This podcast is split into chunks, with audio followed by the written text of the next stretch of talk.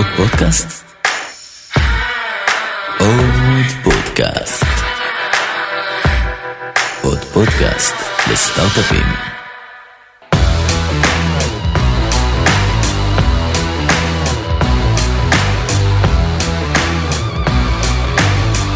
ברוכים המאסטרים של עוד פודקאסט ל product, שבה נדבר עם האנשים שבונים למוצרים שיזמים חולמים עליהם להפוך למציאות.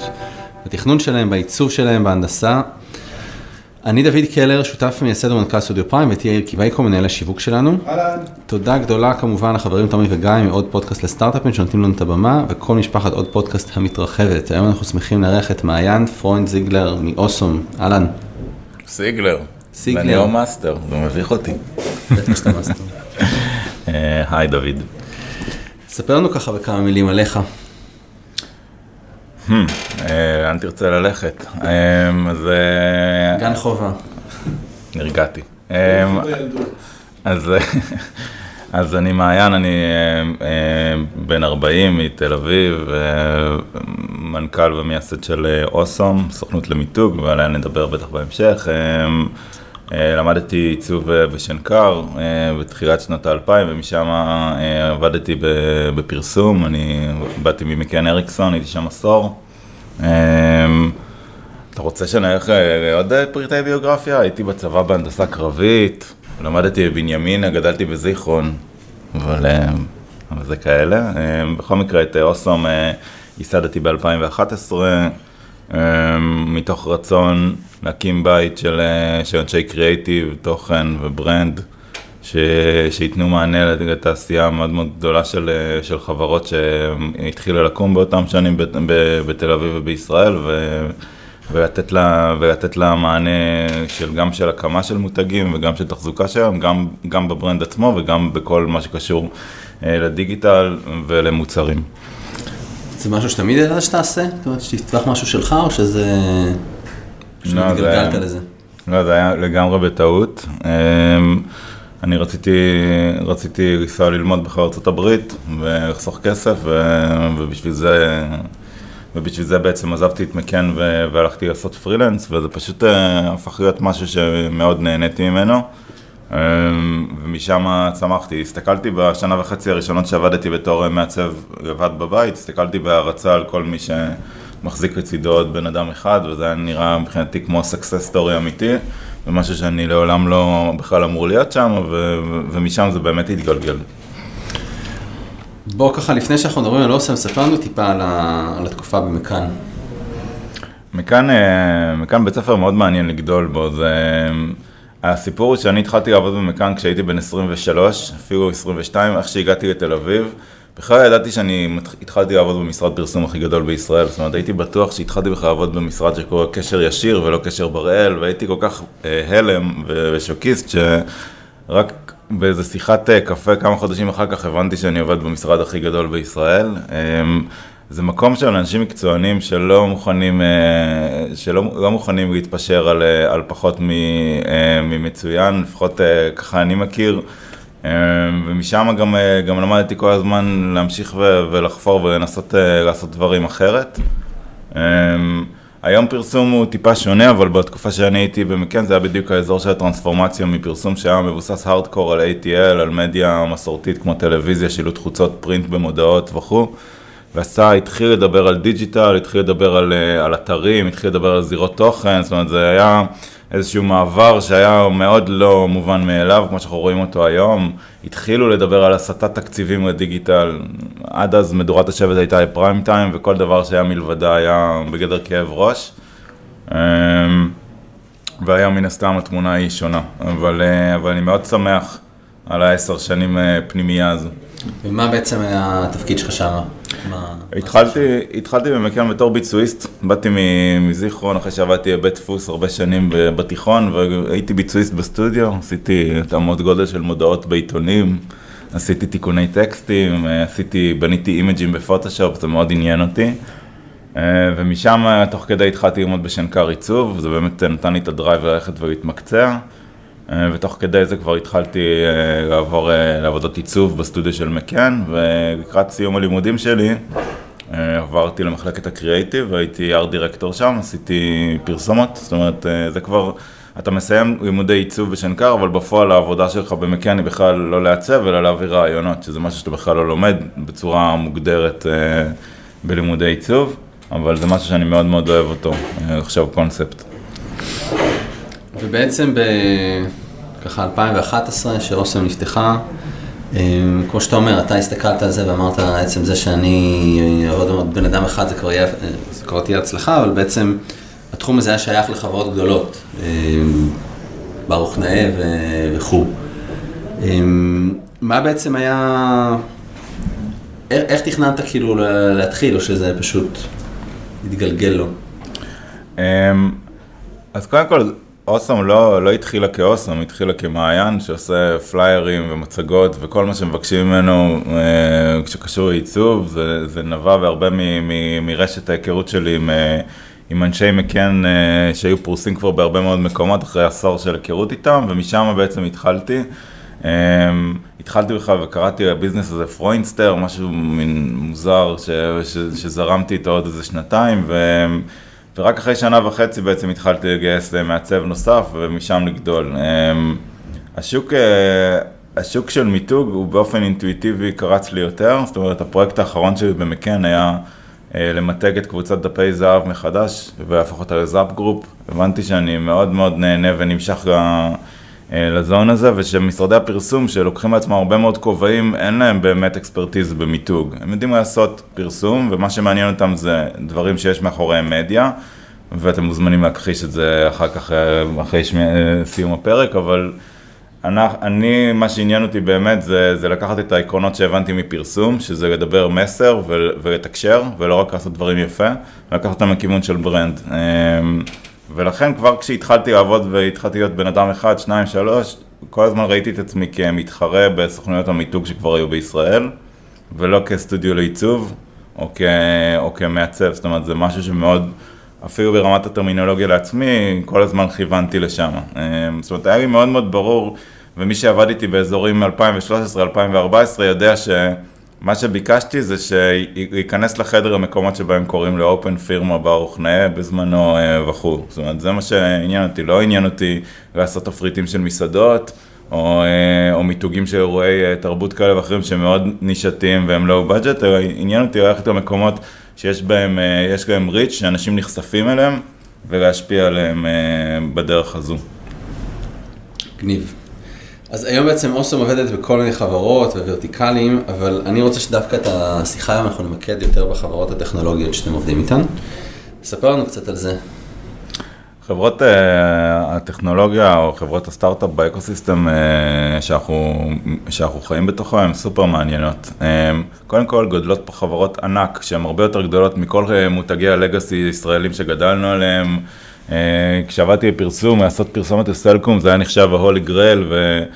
ו- ואנחנו נמצאות פה חברות בתל אביב שההדקוורטר שלהם חולש על, על, על תקציבי שיווק ענקיים, עצומים, פי מיליון מאשר המותג הישראלי הכי גדול שנחשוב עליו.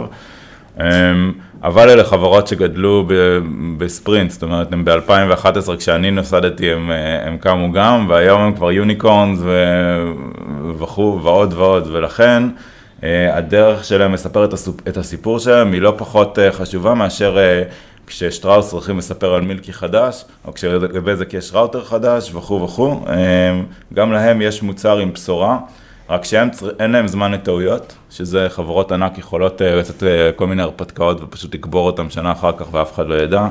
וחברות סטארט-אפ גם אם ממומנות היטב, אין, אין זמן לטעויות, ולכן ההבנה שצריך להכניס brand גם למותגים שהם בכלל פונים לאזורי B2B, hardcore ולאו דווקא לצרכן קצה וגם הם לא פונים בהכרח לשווקים ישראלים וגם יש גם במקביל גם לתחזק מותג כי הם צריכים לגייס עובדים וצריכים בשביל היכולת לגייס עובדים איכותיים אתה צריך שיהיה לך מותג שהוא appealing גם לעובדים להגיע אליו, זאת אומרת כל הצרכים האלה הם נהיו צרכים מורכבים ומובחנים של חברות כאלה, ו, ולרוב הן מתחילות באיזשהו, באזור היזמים, המקום שיש רעיון ראשוני שאיתו הולכים לגייס seed, אז באמת המותג הוא מקבל איזושהי עדיפות משנית והוא ברמת to get shit done, עושים דברים קצת ב Fiverr, עושים כמה שיותר מהר good solid work כדי שזה יראה לא שכונה אלא legit, ואיתו מתחילים להריץ בעצם POC. אבל מהרגע שמתחיל אה, כסף אמיתי לזרום לתוך החברה, מתוך אה, הבנה ש, אה, שצריך להתחיל לבנות מותג סביב הרעיון הזה, אז שם אנחנו נכנסים ויודעים לתת הרבה מאוד, הרבה מאוד כלים ו, ו, ואסטים ש, ואופי ואישיות ופרפס, ואלה דברים שהם לא רק מושגי סתם, הם ממש, אני רואה הרבה פעמים יזמים נכנסים אלינו עם, אה, עם רעיון נורא טוב שיש להם, אפילו כבר התחלה של proof of concept, אבל כשהם יוצאים, הם כבר יוצאים uh, uh, well established נקרא לזה, משהו, ש, משהו שכבר התעשייה יכולה להסתכל עליו כלג'יט, לעשות איתו עסקים, שאפשר לצאת איתו עכשיו ל-go to market לארה"ב או לאירופה, ולא להיראות uh, uh, כאילו שאתה עובד מהמוסך שלך. להרבה חברות סטארט-אפ בטח בתחומים שהם ככה קצת פחות סקסיים, אם זה סייבר או אוטומוטיב או פינטק, עם הרבה מקרים מיתוג נתפס כאיזשהו סוג של fluff. אה, אה, איך אתם מתמודדים עם הדבר הזה? אני מכיר, אה, מכיר את סוג היזמים והמנכ"לים שלא מאמינים במותג וחושבים שהמוצר הוא המותג ואין צורך לתחזק שום דבר מלבדו. הבעיה מתחילה כשמתחיל להיות me too uh, לידך, או שהזירה, הבידול שלך מתחיל להישחק ואתה נהיה שחקן ש...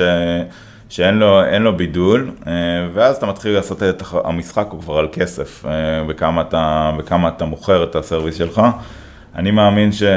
שמותג שיש לו פרפס, איזשהו סיפור שהוא חי, חי אותו, שבשבילו הוא קם בבוקר, משהו שהוא יותר מהבטן ולא, ולא מהאקסלים של, של היוטיליטי שאני בא לפתור, אלא אה, איזשהו ביגר אה, קוז נקרא לזה. אה, אני חושב שיש לו יכולת יותר להצליח, ו, ושוב, אני, אני מדגיש גם היכולת לגייס אחר כך עובדים שירצו להיות חלק מתוך המשימה הזאת, שהם לא מונעים מ... מכמה החברה תגייס או לא תגייס, או לא מונעים מכמה אה, הפאונדרים שמים בכיס במקרה של אקזיט, אלא הם צריכים לדעת שהם עובדים אה, במקום שיש לו איזושהי ראייה יותר גדולה על, ה, על האקוסיסטם שהוא חי בה, איזושהי מטרה לשנות את העולם באיזושהי צורה, ואני לא אומר את זה בצורה נאיבית, אלא אה, כן, כן לנסח, לספח לעצמך ולפתח ראיית עולם שהיא קצת יותר גדולה מהבעיה הספציפית שבאת לפתור, אלא איך היא משפיעה על האקוסיסטם. מה היא מאפשרת, אמ, ומשם באים דברים גדולים שהם קצת יותר נוגעים ברגש ופחות באקסלים. מה בעצם האתגר המרכזי כש... כשצריך למתג חברה טכנולוגית? ככה הגיעה חברה, ראונד A, עשרה עובדים, גדלים, חבר'ה 8200 כאלה. אמ, מה האתגר הכי גדול בעבודה מולם? אז קודם כל, אה, צריך, צריך אה, לגרום להם להבין שהם חייבים להיות חלק מהתהליך. זאת אומרת, חלקם לא, אה, מאוד, מאוד עסוק וטרוד בהרבה דברים, ו, ו, וחי בתחושה שהדבר הזה יכול לקרות, והם יפגשו את זה, מה שנקרא, אחרי השקה, שגר ושכח סטייל, אבל זה מאוד רגשי. יזם לא יכול באמת לשחרר פרויקט כזה של, של מיתוג, והוא כן חייב להיות מעורב בו, אמנם בהיי-לבל, אבל חייב להיות האונר של התהליך הזה. לגבי, אה, לגבי דברים נוספים ש, שמאוד אה, אה, למדתי שמיוחדים, הם לא לנסות לתאר ברמה גרפית את הטכנולוגיה. זה אף פעם לא עובד, ואם אתם קצת נתקלים במיתוגים של חברות טק שקרואים בהם המון נוירונים כאלה, ועל רקע שחור מלא ירוק בוהק והמון נוירונים ומספרים, אלה חברות שניסו בעצם לתאר ברמה גרפית את הפתרון שלהם. וזה לא מעניין, זה קר. ואין בזה שום, אה, שום אה, בידול. אה, המקום הוא דווקא למצוא סיפור גדול יותר, שהוא אמיתי ואותנטי, אבל סיפור גדול יותר שאותו אפשר לתאר, ומשם באים הפתרונות. עכשיו, הרבה פעמים היזמים שאנחנו עובדים מולם הם, הם אנשי קוד, הם, הם אנשי 8200 כמו שאמרת, הם, הם לא אנשי שיווק. אנחנו כאנשי שיווק, החשיבות של storytelling, ההבנה שאנשים הם אוהבים לשמוע סיפורים יותר ממה שהם אוהבים לראות אקסלים, היא uh, טמועה בנו, אבל uh, הרבה פעמים אנחנו צריכים, זאת אומרת, כן, כן להסביר את זה, כן להסביר את החשיבות ב, בשלב של אסטרטגיה מיתוגית, בכלל בלהבין מה ה-why, מה ה-values, מה, מה הבשורה שלנו, ממש, ממש להדק את זה ביחד עם הצוות ורק משם לצאת לעיצוב. אמ, אני מרגיש שבעשור האחרון, לא, לאורך השנים, אז אני צריך להסביר את זה פחות ופחות, וכבר יזמים מבינים את ה X factor שיש לכזה דבר, אבל עדיין. איך בעצם נראה, נראה תהליך כזה של branding או rebranding לחברה טכנולוגית? תן לנו ככה איזשהו review. אז קודם כל, הרבה, הרבה פעמים חברות טכנולוגיה מאוד נעים להם, בגלל שהן לא רוצות להיות במרחב טעות ואין להם בעצם את היכולת הזו, אז הם רוצים בעצם ללכת למשרד שגם מכיר את השוק שלהם וגם עשה כבר עשר כמוהם. ושם אני דווקא מאוד מרגיש בנוח. להיות דווקא זה שלא עשה כבר, סתם לדוגמה, עשר חברות סייבר, או לא עשה עשרים חברות בלוקצ'יין, ודווקא לבוא בעיניים סקרניות ולראות את הדברים הפעם הראשונה ולחוות אותם וללמוד את האסנשיאלס ולא לסחוב על הגב הרבה מאוד תבניות שאני נמצא בתוכן.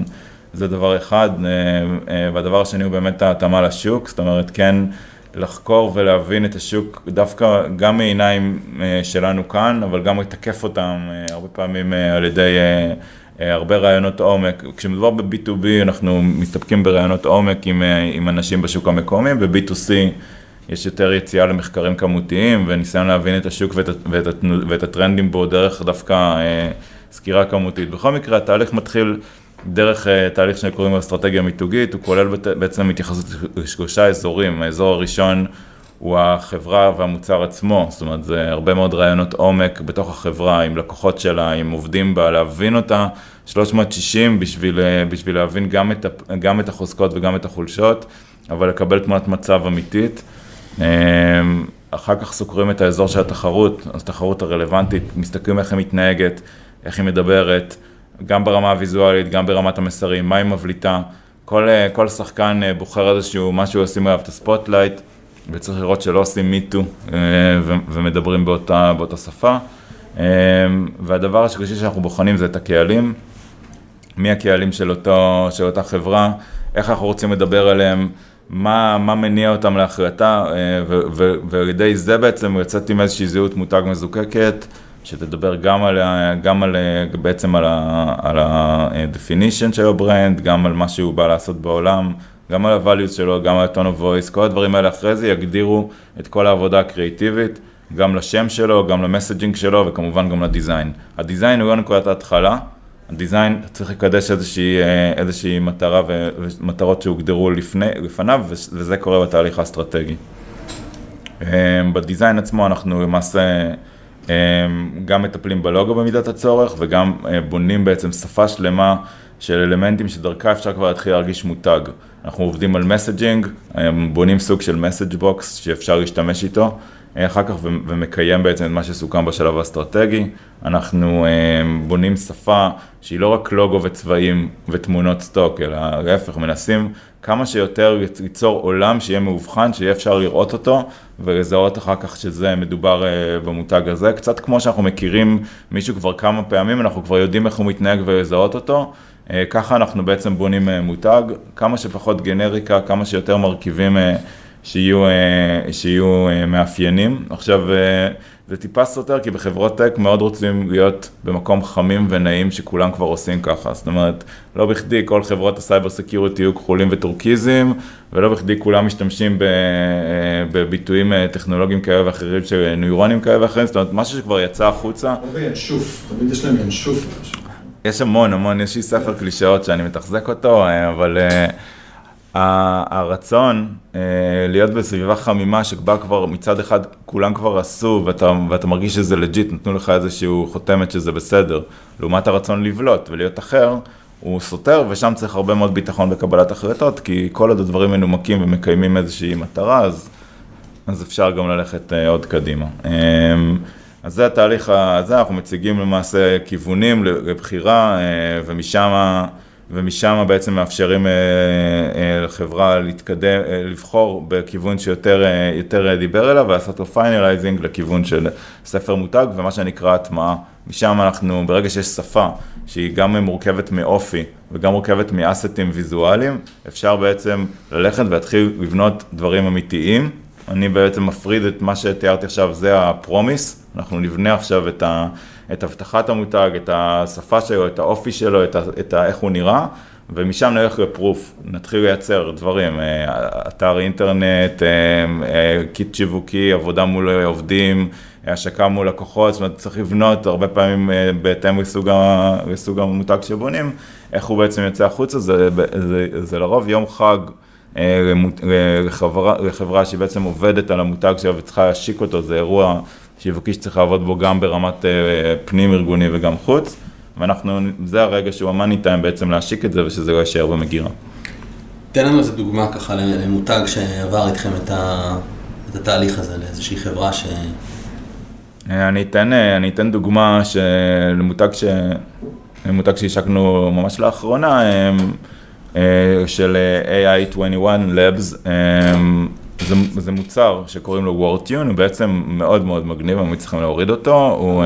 הרגע המלצתי עליו, אגב, לכל החברה. אני מאוד ממליץ, אגב, אגב, אין עדיין, אי אפשר עדיין לשלם עליו ברמת כל החברה, אז כל אחד צריך לשלם עליו אחרי שהוא עובר את ה freemium, הוא בעצם מתיישב לכם על ה Chrome, אה, נותן extension שיודע אה, לראות את כל מה שאתם כותבים ולהציע לכם אה, ניסוחים שהם או פורמל או, או casual, וממש הוא לוקח את כל המשפט ומחליף אותו, הוא לא עושה גרמר, הוא לא מחליף מילה במילה, הוא פשוט מסתכל על ההקשרים ומציע לכם עוד דרכים אה, אה, להתנסח. הוא גם מיועד לנו בתור זרים שהאנגלית לא, אה, לא שגורה אצלם, אבל הוא גם מאפשר לאנשים שהם נייטיב לגמרי, אבל הווקבולרי שלהם הוא מסוים, להתנסח אה, אה, לפי ההקשר.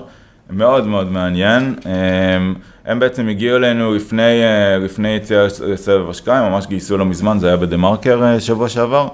אמ, והרצון היה בעצם לתפוס מרחק מאזורים של spelling ו vocabulary, שיש הרבה מאוד כלים כאלה שהם נותנים פתרונות, ואנחנו בכלל רצינו ודיברנו ברמה האסטרטגית על זה שאנחנו רוצים לספר את זה אחרת. איך נספר את זה אחרת?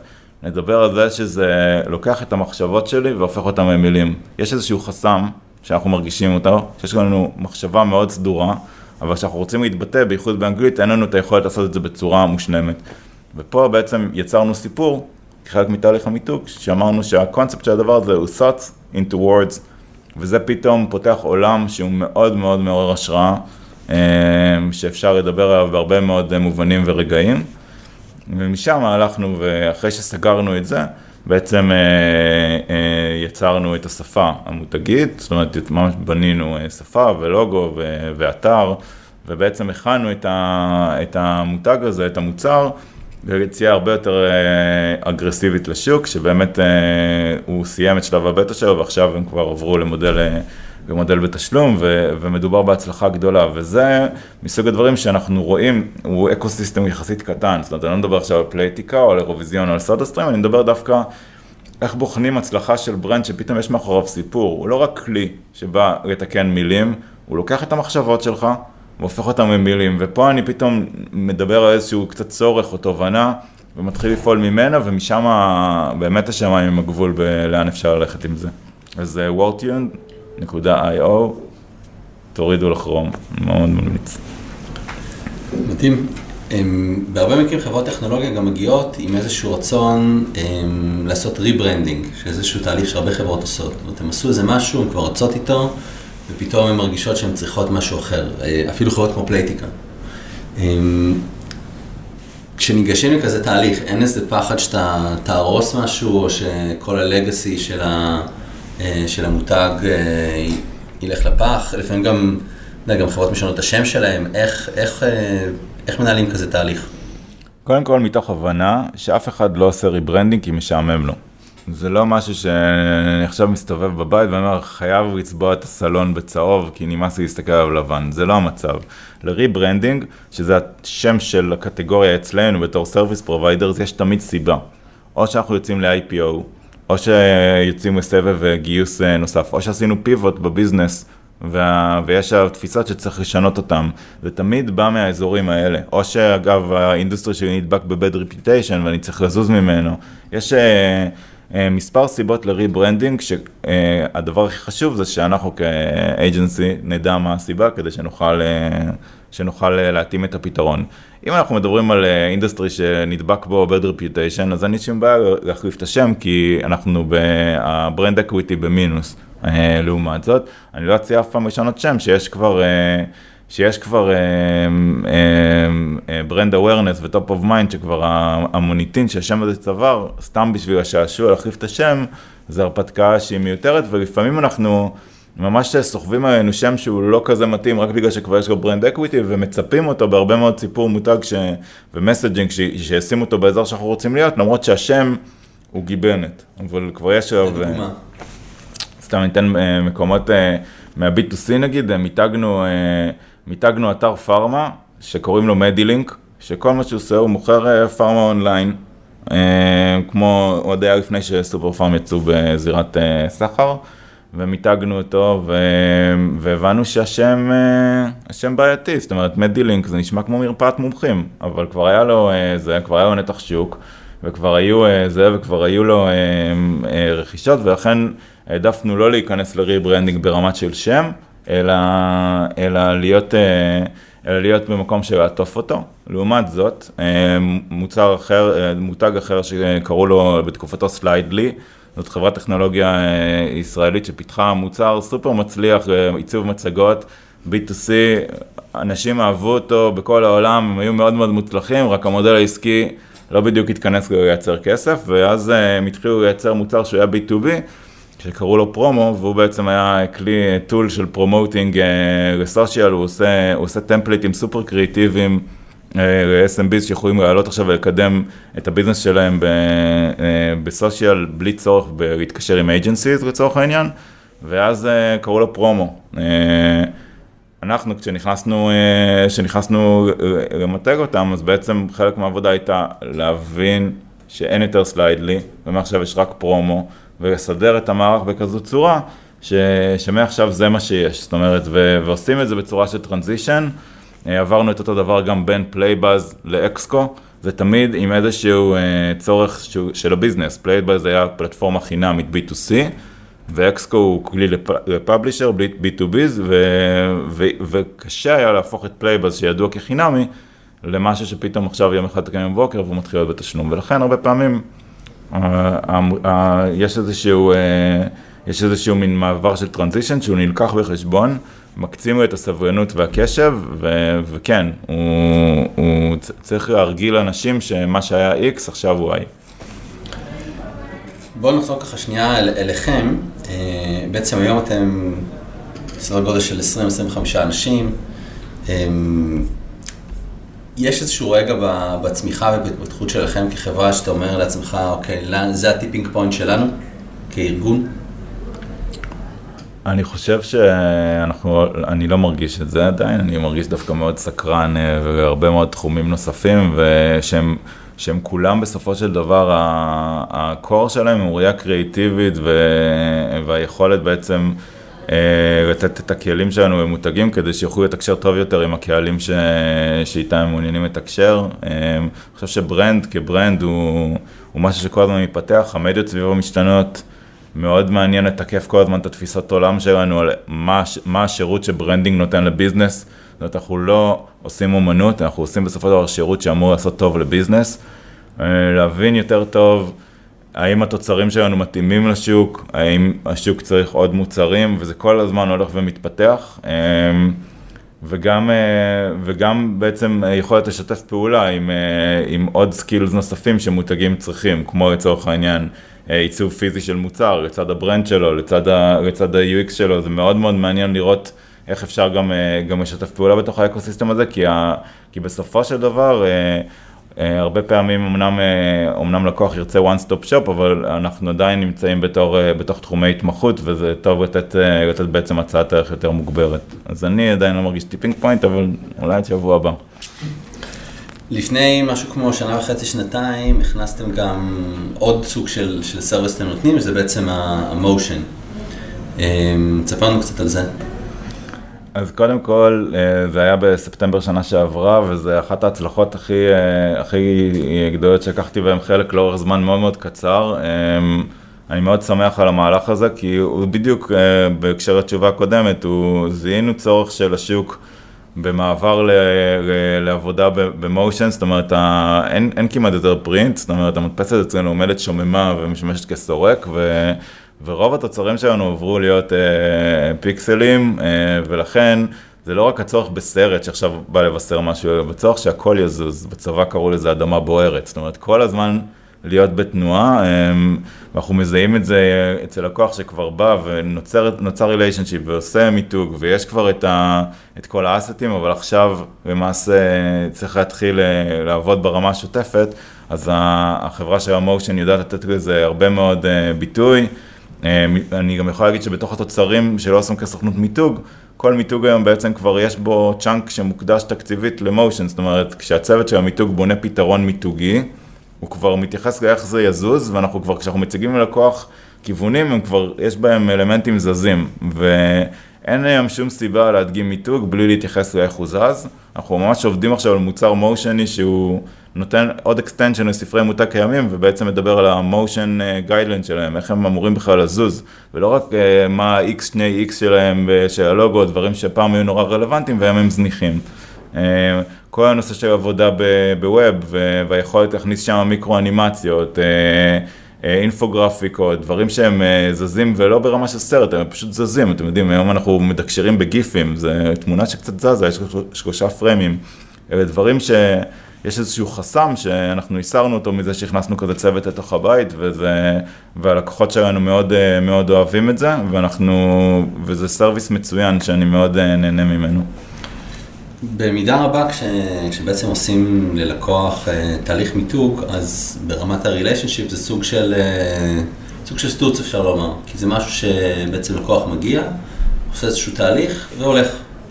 איך, אה, איך משמרים מערכת יחסים עם לקוחות מהסוג הזה, אם בכלל? קודם כל, אני מאז אה, גיל 22 במערכות יחסים וסטוצים הם קשים לי, אז אני מאוד אה, מאוד אמושיונל, ובעיניי ברגע שיש מערכת יחסים, וזה מאוד אה, goes for every B2B, ברגע שיש relationship, צריך, צריך לראות איך אפשר, איך אפשר להמשיך ולהרחיב את הצעת הערך בשביל שזה לא באמת יהיה רק סטוצים. אנחנו בנויים בצורה כזאת שמשהו כמו 50% מהלקוחות שלנו הם, אה, הם סטוצים, אגב סטוצים טובים, אנחנו נראה אותם ברחוב ונגיד להם שלום, זה לא מאלה שאתה מצנן אותם בטלפון, אבל אה, הרבה פעמים, סתם לדוגמה, אה, חברה כמו פלייטיקה, שיצרנו עבורה brand מאוד מאוד עשיר, עשינו עבודה מאוד טובה, אבל עכשיו יש לנו מחלקות in-house שעובדות עם זה גם ברמת marketing, גם ברמת product, גם ברמת אה, EVP. יודעים בעצם אה, לעבוד עם זה in-house ומתקשרים איתנו ברגעים מז'וריים שהם צריכים את, אה, את ייעוצנו, לעומת מותגים אחרים שבהם אנחנו יוצרים את המותג, אבל יודעים אחר כך לתת, לתת בעצם את, ה, את השירותי recency, זאת אומרת את כל הדיילי שלהם אנחנו בעצם מכניסים לתוך הבית, מתוך זה שכבר יש היכרות אדירה עם המותג, עם הנפשות הפועלות והרבה מאוד, והרבה מאוד אהבה בין הצדדים ולכן השירות ממשיך וקורה.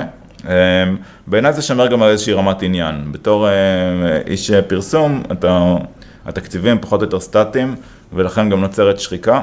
רוב האנשים שבאים לעבוד באוסם, הדבר הראשון שהם מחפשים זה גיוון. זאת אומרת, היכולת אה, להיות היום בחברת, אה, בחברת CPG ומחר לעבוד על, על משהו שהוא יותר לייפסטייל ומחרתיים להיות בכלל ב deep tech וכל הזמן זה קצת כמו איזה, איזה ילד על acid כזה, ככה סיפרו לי, זאת אומרת, זו הסתכלות אה, מאוד מאוד סקרנית על העולם, אה, אה, כי, ו, וזה משהו שמאוד מעניין אותנו. אז ברמת המודל העסקי, אין ריטיינרים באוסם, יש פשוט 50% פחות או יותר של לקוחות שהם כל הזמן נמצאים, נמצאים איתנו ואנחנו יודעים לתת להם הרבה מאוד מענה לשירותים שלהם וגם, וגם להיות קשובים לצרכים שלהם ולתגבר את הסרוויסים שלנו. לעומת לקוחות שנכנסים, חדשים לגמרי, אה, בשביל לבנות מותג באמת אה, מסקרץ', באים, עושים את המסע יחד איתנו ואנחנו בעצם אה, שולחים אותם לדרך ו... ו... ו... ו... וממשיכים הלאה. יש איזו טענה שאומרת ש... שהרבה מה... נקרא לזה מהסטודיו ומהאג'נסיז הם למעשה סוג של גופי הכשרה למעצבים שאחרי זה הולכים לעבוד ב... בחברות עצמן. אה, מה, מה יש לך לומר על הדבר הזה? כי, כי באיזשהו מקום אתה מקבל עובד, מכשיר אותו, נותן לו בעצם להתנסות במגוון אה, מאוד רחב של תחומים, ו... ואז הוא הולך. כחברה צעירה, יש היה לי חלק מאוד גדול בהכשרת uh, מעצבי חברות הטק והיוניקורן הישראליות. יש לא מעט אנשי אוסום שמפוזרים היום בוויקס, מאנדיי, פייסבוק וכו', זאת אומרת, uh, אני יודע שבניגוד לדור ההורים שלנו, אנחנו פחות אה, באים היום למקום עבודה בשביל לצאת ממנו לפנסיה, אבל אני, זה, זה משהו שמאוד מאוד התיש אותי ברמה האישית, זאת אומרת כל הזמן לנהל מין תחנת רכבת כזאת של אה, אה, אנשים שבאים מהלימודים ואני מלמד אותם שנתיים ואז הם אה, יוצאים, ולכן אה, פתחנו את התמהיל, זאת אומרת זה כבר לא רק אה, אנשים שבאים אה, כתפקיד ראשון, אנחנו מאוד מאוד uh, מטפחים את הצוות הקיים, גם ברמה של uh, העלאת משכורות אגרסיבית, uh, יותר לכיוון, לכיוון חברות ה tech, זאת אומרת אין כבר את הפער הכזה גדול בין, בין agency לחברות tech, למרות שתמיד הן יכולות להפתיע. אה, וגם היכולת אה, לשמור על רמת עניין וקידום בתוך הארגון, בשביל לא לתקוע אנשים באיזשהו אה, מקום, ולזהות מאוד את, ה, את ה stress level שלהם ואיך אפשר אה, לפרום אותו. אה, שוב, אם בן אדם הוא כרגע, כל מה שמעניין אותו זה האקזיט המהיר ומתי, באיזה גיל הכי מוקדם הוא עולה על היאכטה שלו ומפסיק לעבוד, אז אני כנראה לא יכול לתת את הפתרון, אבל אה, אם אה, מישהו בא סקרן ורוצה לספוח כמה שיותר skills אליו אה, בעשור הראשון לקריירה שלו, אז אנחנו, אנחנו לגמרי שם. המצב פחות, אה, פחות אה, גרוע ממה שהוא היה, אה, יש איזושהי התייצבות, גם הקורונה עזרה לזה, זאת אומרת אנשים פחות תזזיתיים כרגע, אבל אני לא, אני לא נותן לקורונה בהקשר הזה להרגיע אותי, ואני לא חושב שאנשים נשארים איתי רק בגלל שאין להם ברירה, אלא הרצון הוא כל הזמן ברמה האישית לראות כל בן אדם ובן אדם ולראות מה הוא צריך כרגע בשביל שתוכל להמשיך להיות משמעותי עבורו וההפך, אז זה...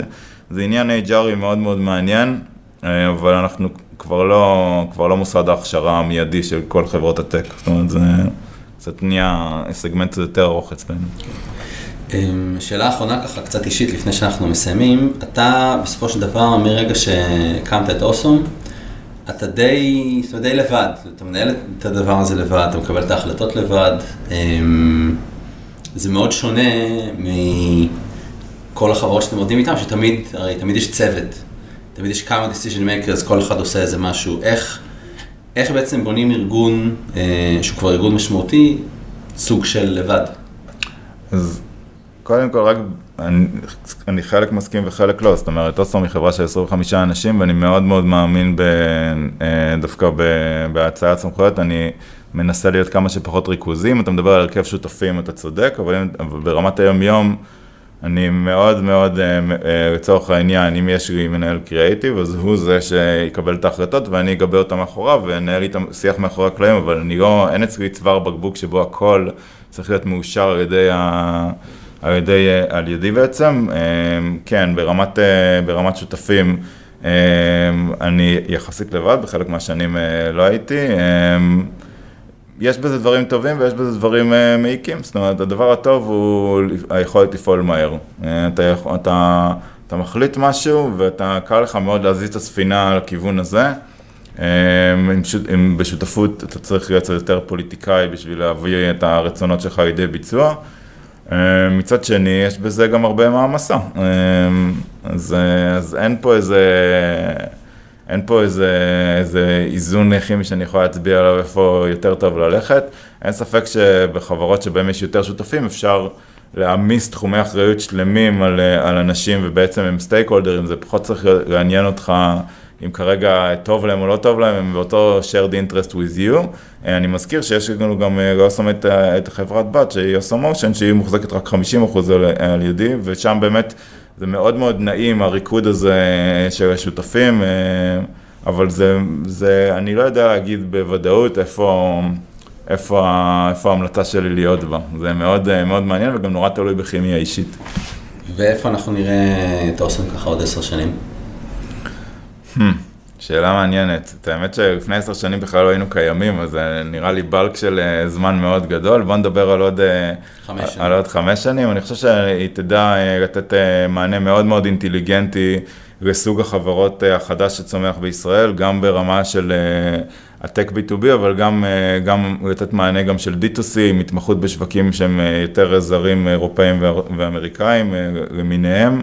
אה, ואינשאללה תהיה נוכחת אה, בעוד יבשת, אה, בעוד יבשת שהיא לא תל אביב. כדי שיהיה לי תירוץ. ו- תירוץ. וסרטיפיקט לברוח מפה גם בימים כאלה. אז שם אנחנו הולכים להיות, אבל, אבל בגדול, שותף, שותף אסטרטגי של, של כל הכוח, ש, שנמצא איתו בצמתים, בצמתים שיווקיים וגם שקשורים לביזנס, ולתת לו שירות שבעצם בסופו של דבר ייתן לו ערך, אה, ושהוא גם כמובן יבין אותו. מעיין, תודה רבה. תודה רבה. מאוד. תודה רבה לכם. ונתראה עוד אה, חמש שנים.